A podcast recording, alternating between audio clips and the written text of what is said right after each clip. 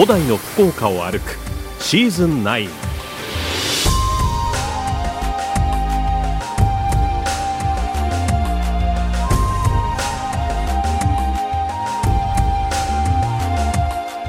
遥かな昔海の道からそして陸路を通じて福岡にはさまざまな文化が入ってきました。その足跡を訪ねる古代の福岡を歩くシーズン9この番組は宮間市の企画協賛餃子の山八道の駅宗像草と共に生きるオーレックの提供でお送りいたします。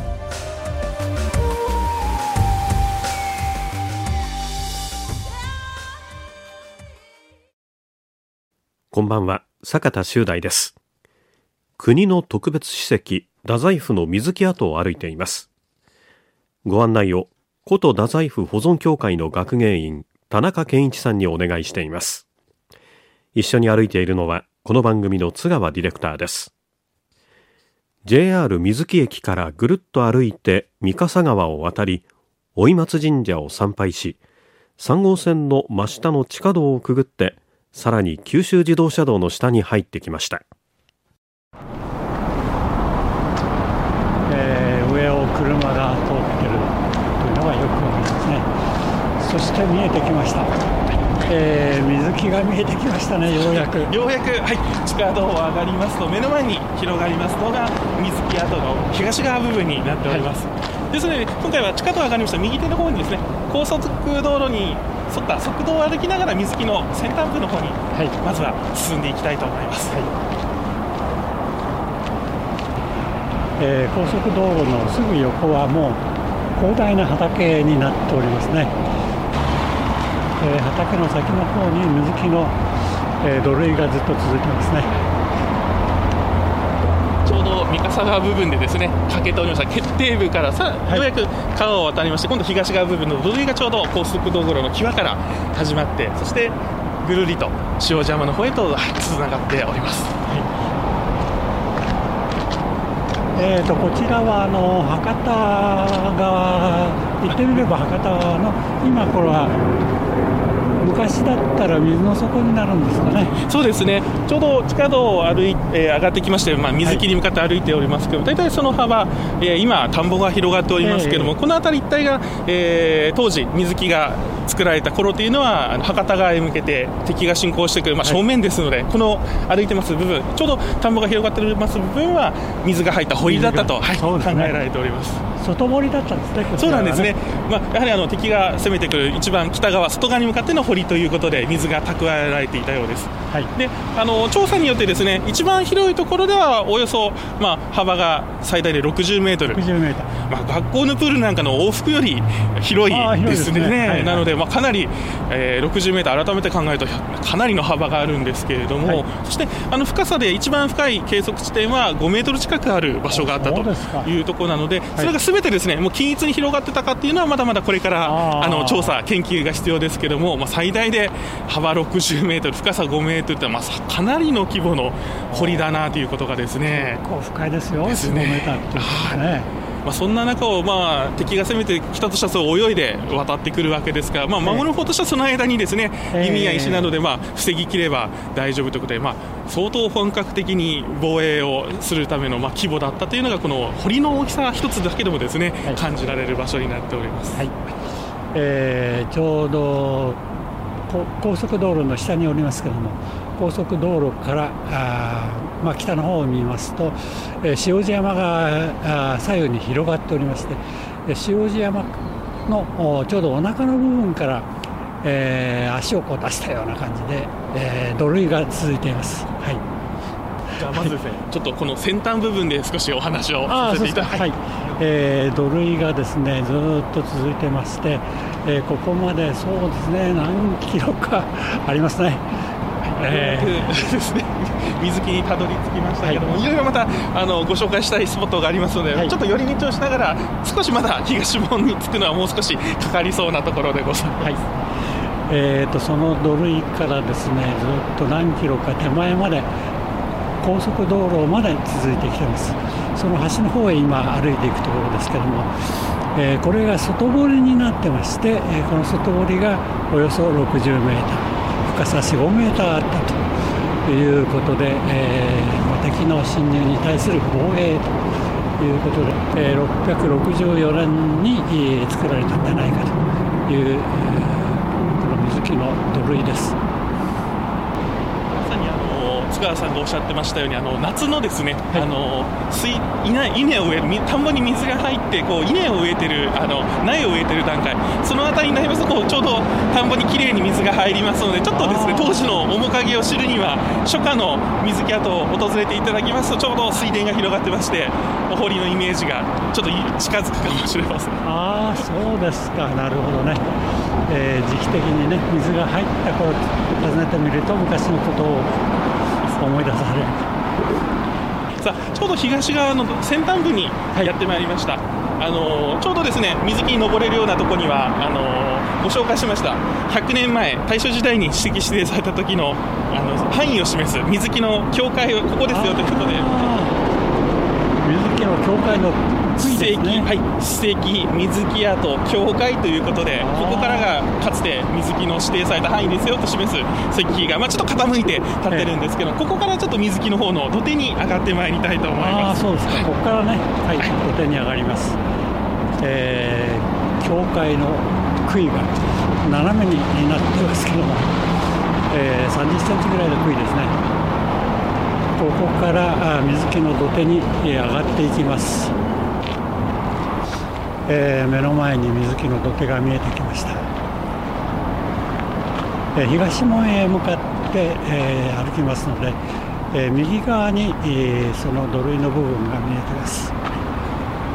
えこの土塁の高さがだいたい10メーターぐらいなんですかね。そうですね。土塁の本体の高さが、まあ、場所によってちょっと変動するんですけど、まあ、平均すると大体9メーター、10メートルぐらいの土塁がずっと広がっております。はい、でちょうど博多川ですね、あの水木はすぐ、あのー斜面の土塁の下にお堀が広がるんではなくて少しこうテラス部分といいますか、台の部分がありましてそこから落ち込んで先ほど言ったような外堀が広がるというような形になっております、えー、ここから東門の方へまっすぐ続くのが、まあ、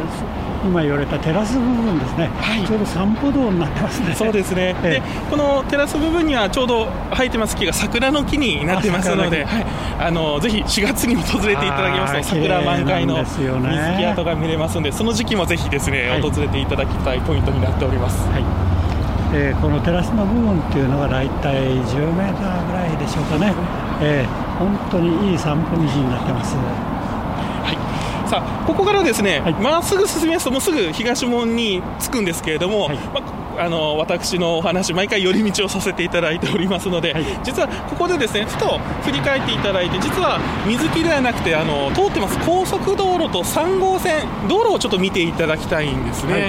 い、であのー、まあ、皆さん高速道路、国道を利用されると思うんですけども水木跡のところだけちょっと普通の道路ではないんですけどもなんか津川さんお気づきになるような点とかありますか？え道路がですか？はい。ちょっと低いのかな？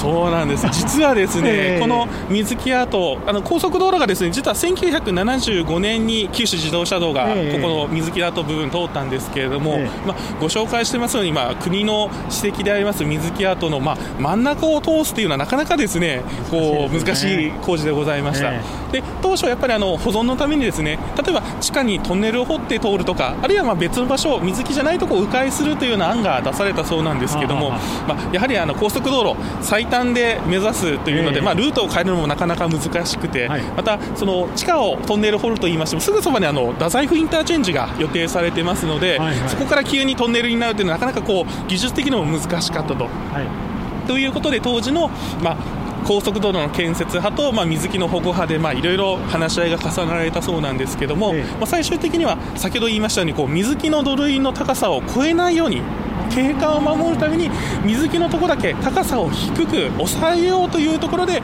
合意案が出されたわけでございます。はい。ですので、あの津川さんがさっきおっしゃるちょっと低いですねというのはまさにその通りでして、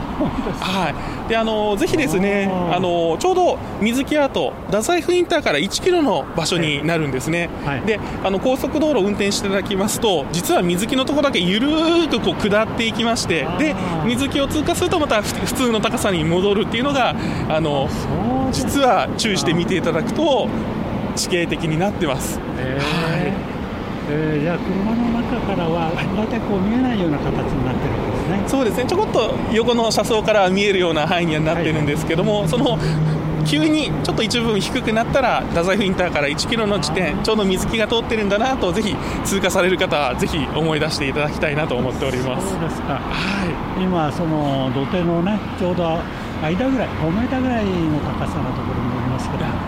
えー、その高さとほんのちょっとだけね、はい、車の屋根が見えるぐらいでね、はい、でそんなにあの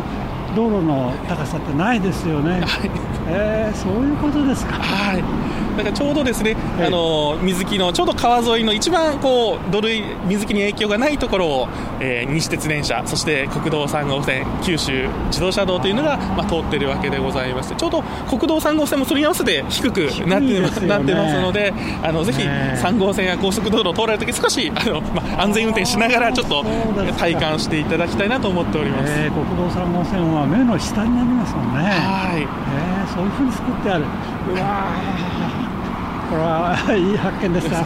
あの当時のですねやはり建設された時にはやはり、えー、あのやはり国土の開発が急がれる時代ではありましたけどやはりこう水木を守ろうという先人たちのこう努力の結果がこういうふうに実は地形的に道路の高さというのが出てますのでそういったところもぜひ皆さん見ていただければと思います。そういう気持ちはなんかこもったところですね、えー、はい。では道路を見ていただきましてじゃこのまま水木の北側のテラス部分を行くのではなくて南側ですね。太宰府が内堀があった方にちょっと迂回してそちらを見ながら行きたいと思います、はいえー、今立ってるところは外堀側ですけども、えー、それを水木の土塁をちょうど歩いていける場所がありますので越えて反対側内堀側に歩いていきますちょうどこちらも断面部分というかですねちょっと、はい横切ってまたいで南側へと、はい、進んでいきたいと思います。えー、水木の内堀側南側の方へ来ました、はい。えー、北側にはですねこうテラス状の部分が広がっておりましたけども、えー、逆にあの南側はですねちょっと高さが高くなってそして段も土塁の際からですねゆるくこう、ね、なだらかに太宰の方に下っていっております、えー、でこれはあの土木建築の専門の先生からするとですねこのやはり10メートルという土塁をですね支えるためにもこう土木学的にもですねこうなだらかにいわゆる後ろのこうセットバックといいますか、はい、こうなだらかに太宰府の方にこう傾斜をつけた地面を広げることによってこの本体の土塁を支えるというか崩れないようにするというまあ、そういうこう構造的な理由があるそうなんですね。ですのであの南側に回っていただきますとかなり広いこうテラスということで、ね、はい、大地上が広がっていますので、まあ、この部分を進みながら少し東門の方へと、はい、はい、進んでいきたいと思います。広大な広さですね。え県道の112号線まで、えー、2、300メーターはあろうかという、そういう広さの内堀側ですね。で津川さんと歩いてます、この南側に広がります。第一条の部分なんですけども、それに沿ってさらに南側に、下の部分にですね散策道が設けられてますので、そちらにちょっと一回降りてみたいと思います。はい。えー、南側の大きな広場からさらに4、5メーター下の方に、えー、散策道路っていうのが作ってあるみたいですね。そこへ降りていきます。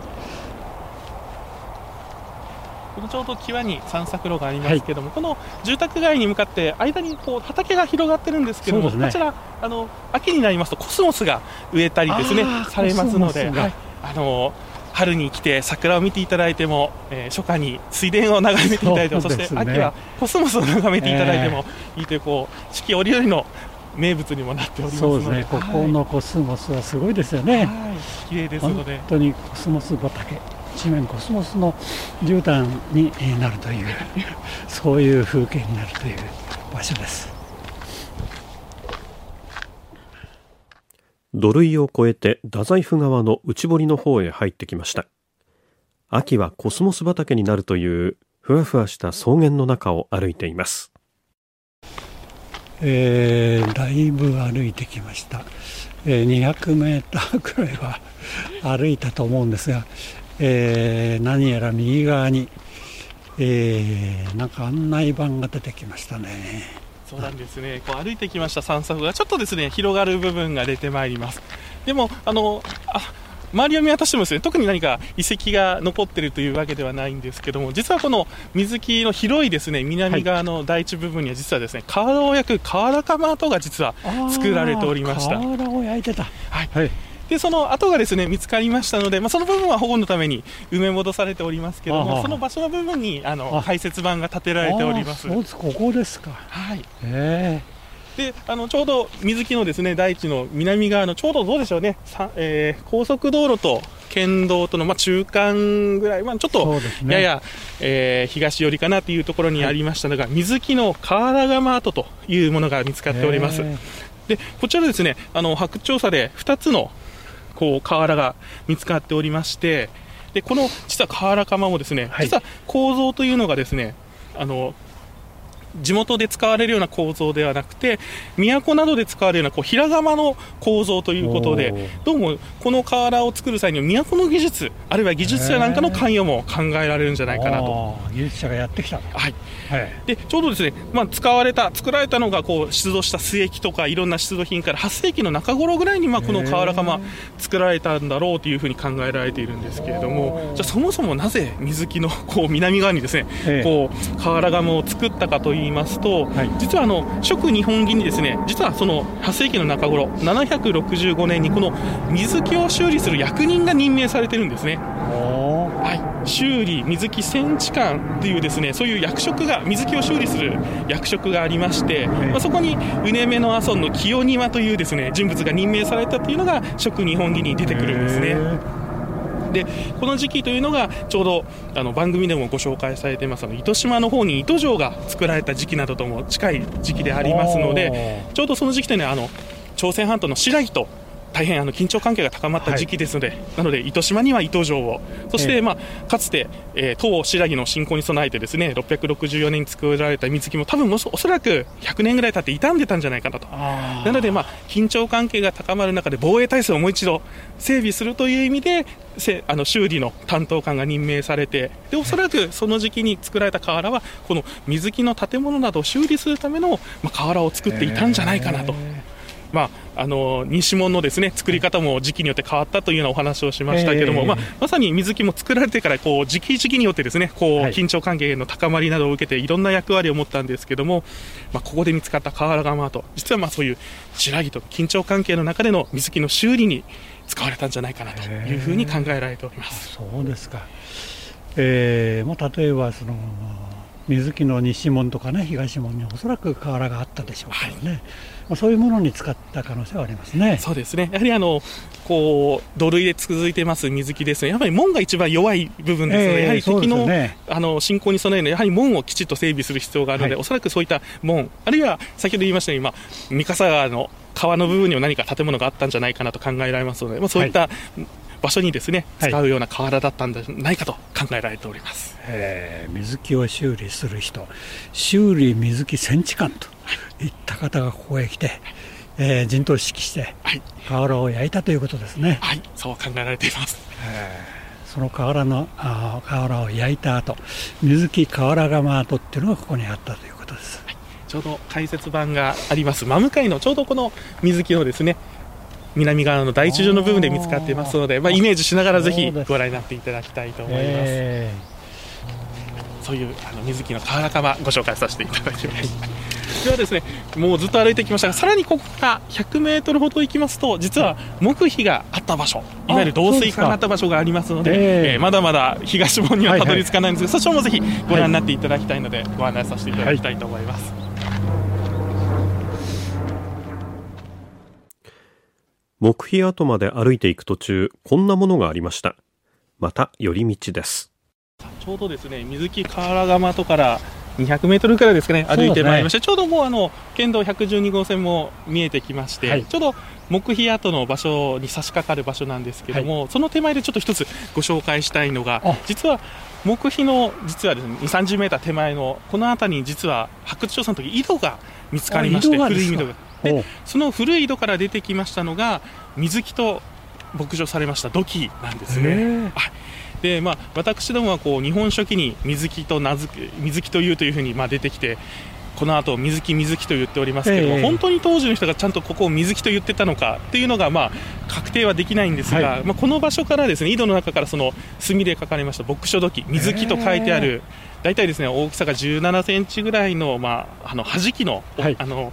いわゆる蓋なんですけども、はい、そこに書いてありました水木という文字から、えー、やっぱり当時の人まあ、1300年前の人々もやはりここを水木と呼んでいて、まあ、そういうのに使うあのお皿とかですね道具にそういうふうにここでこれは水木で使うものということで墨で書いてたんでしょうけども、まあ、まさにここでそういうここで、はい、17センチほどの弾きに書かれた水木という文字がですね改めて1300年前のこの場所を裏付けてくれたとそういうものが、はい、見つかった場所でございます。こんなところの井戸からですか？はい古い井戸からですね出てきたものでございます水木と書いた弾きが出てきたという井戸があったんですね。大変貴重な場所でした。今週も国の特別史跡水木跡を歩きました。今週は水木の外堀と内堀を歩いてようやく東門の近く木碑跡へ到着しました。ご案内は古都太宰府保存協会の学芸員田中健一さんでした。来週はこの木碑跡からお送りいたします。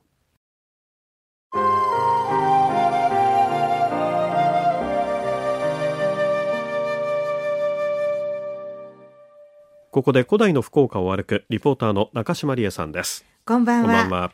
太宰府の話なんです。はい、太宰府成長跡ははじめ太宰府の梅を使った特産品を作って広めてまあこのさらにね、今、梅の苗木も植えましょうという動きが太宰府にありまして、はい、これ、令和発祥の都、太宰府梅プロジェクトっていうんですが、そんな中、梅のクラフトビールが去年夏できました。はい作ったのは太宰府市の株式会社フォースターというところなんですけれども、早速、今日ここで飲ませるわけにはいかなかったので、お預けして。いただきました。飲んでもらいました。もうね、私クラフトビール好きですけれどもね、あの子注いだ時に、ちょっと濃いめの琥珀色で。エール系なんですよね。そしてね、ねちょっとね、濁りがあるんですよ。で、飲むとね、梅がたっぷりこれ入ってますね。梅の香りと酸味が口いっぱい広がって。美味しくいただきました。ですよ。その通り、その梅缶について、このビールを作った株式会社フォースター代表取締役の前山和之さん、こうおっしゃってました。太宰府の梅です。100%です。だからあの味なんですよ。原材料名が大麦麦芽と梅とホップ、それだけ。なんです。ね、あの、梅の味っていうとこう、梅干し系と梅ジュース系、あの、梅酒系と両方想像すると思うんですけど、ええ、言うなればこう、梅ジュースの酸味なんですよね。そうですね。あの、糖分を混ぜてないので、そう。梅そのものの味が。さすがもうクラフトビール詳しい、うん、あのね、おっしゃってたんですよ、前山さんが。糖分を入れると、その糖分ってアルコールに変わっていくものだから、本来クラフトビールで何々味って甘いのは後からつけた味なんですよって。うんうんうん、そうなんだから原料をちゃんとクラフトビールにすると甘くないんですよね。うんうん、で、言うなればね、一口目、梅ジュースに近いような甘みを感じなくはない。うん、でもそのね、味が喉に届く頃にはもうね、口の中に酸味が広がってる。マジカルな、そんなビールと言っていいんじゃないかなと私も思いました。はい、しっかりビールの香りと同時に梅の香りがするんですけど、まあこれね、こういう味わいなんで、お寿司とか、あと和食、煮物もいけますし、鶏肉なんかも合うんですよねっておっしゃるんですね。で、前山さん作るとき、こう、入れられるものの制限がやっぱりそのクラフトビールですからあるんですよ。はい、法律上も製法上も。うんええ、で、何が難しかったっていうと、表現するのが難しかったと、こんな風におっしゃいます。例えば、ラベルがないのに飲んでもらって、あ、これ梅ですよね、とか、まあ、表現しづらかったりするんですけど、それをそこうそういう方向にこう近づけるっていうのが本当に難しかったですね。人それぞれ梅のイメージって多分、梅って聞いて飲む時のイメージってそれでは多分違うんですよねその辺でなんかどどこのバランスとか塩梅とかを表現するかっていうのがなんか難しいと言いますか。うんで、どうしてね、ビール作ろうかと思ってた、思ったのか聞いたんです。ええ、実はね、このフォースターっていうのは、あの、不動産とビールの会社なんですけど、本業はフォースターセキュリティってあの、警備会社なんですよ。あ、そうなんですか。ね、会社のビルの屋上で夕焼け見ながら、地ビールよそのに飲んでたんですって。うん、ああ、太宰府にもこういうビールあったら面白いよねって思ったのがきっかけで、思いませんかって周りの人に言ったら、どんどん、じゃあこういう人いるよ、こういう場所があるよって情報がどんどん集まってきて、周囲のサポートで、あれとよ、あれよというように完成したわけなんですよ。で、今、の、どこで飲めるかっていうと、春日市の木崩しさん、はい、それからですね、買えるのが筑紫野市の大丸別荘、あと福岡市東区菓子の焼き鳥重蔵などで、まあちょっとね、高級な感じのお料理と合わせるのに良いという感じでお届けしてるんですね。あと、フォースターのインスタグラムへの DM でも直接注文ができるんですが、今後どんな風に展開していきたいのか聞いたらこんな答えが返ってきました。正直なんかあんまりいっぱい作ろうとかもなんかなくて、なんか太宰府市で買えるとか、なんかそういうコアな感じでなれればいいかなっていうのが、なんかこれでいっぱい全国にみたいな、あれは今、今のところはなんかなく、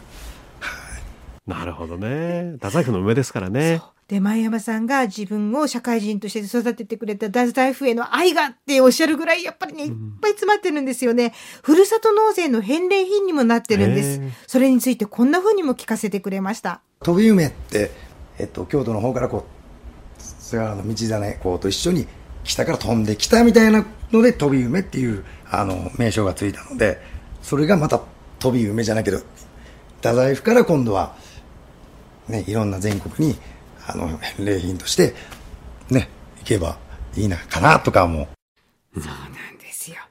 梅クラフトビールが令和の飛び梅になって、今度は全国に散っていく、そんなイメージでいらっしゃるようです。ぜひお出かけして飲んでみていただく、注文して飲んでみてください。太宰府市の梅クラフトビールおすすめです。中島理恵さんでした。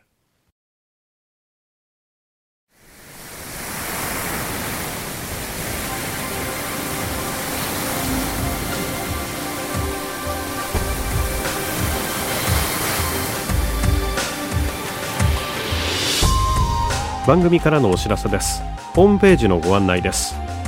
これまでの放送内容と番組を1回目からじっくり楽しむことができます。RKB ラジオのホームページの古代の福岡を歩くシーズン9のバナーをクリックしてください。また Apple、Google、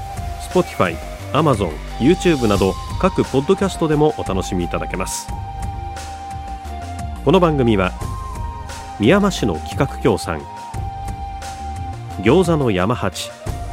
道の駅宗像。草と共に生きるオーレックの提供でお送りいたしました。ご案内は坂田修大でした。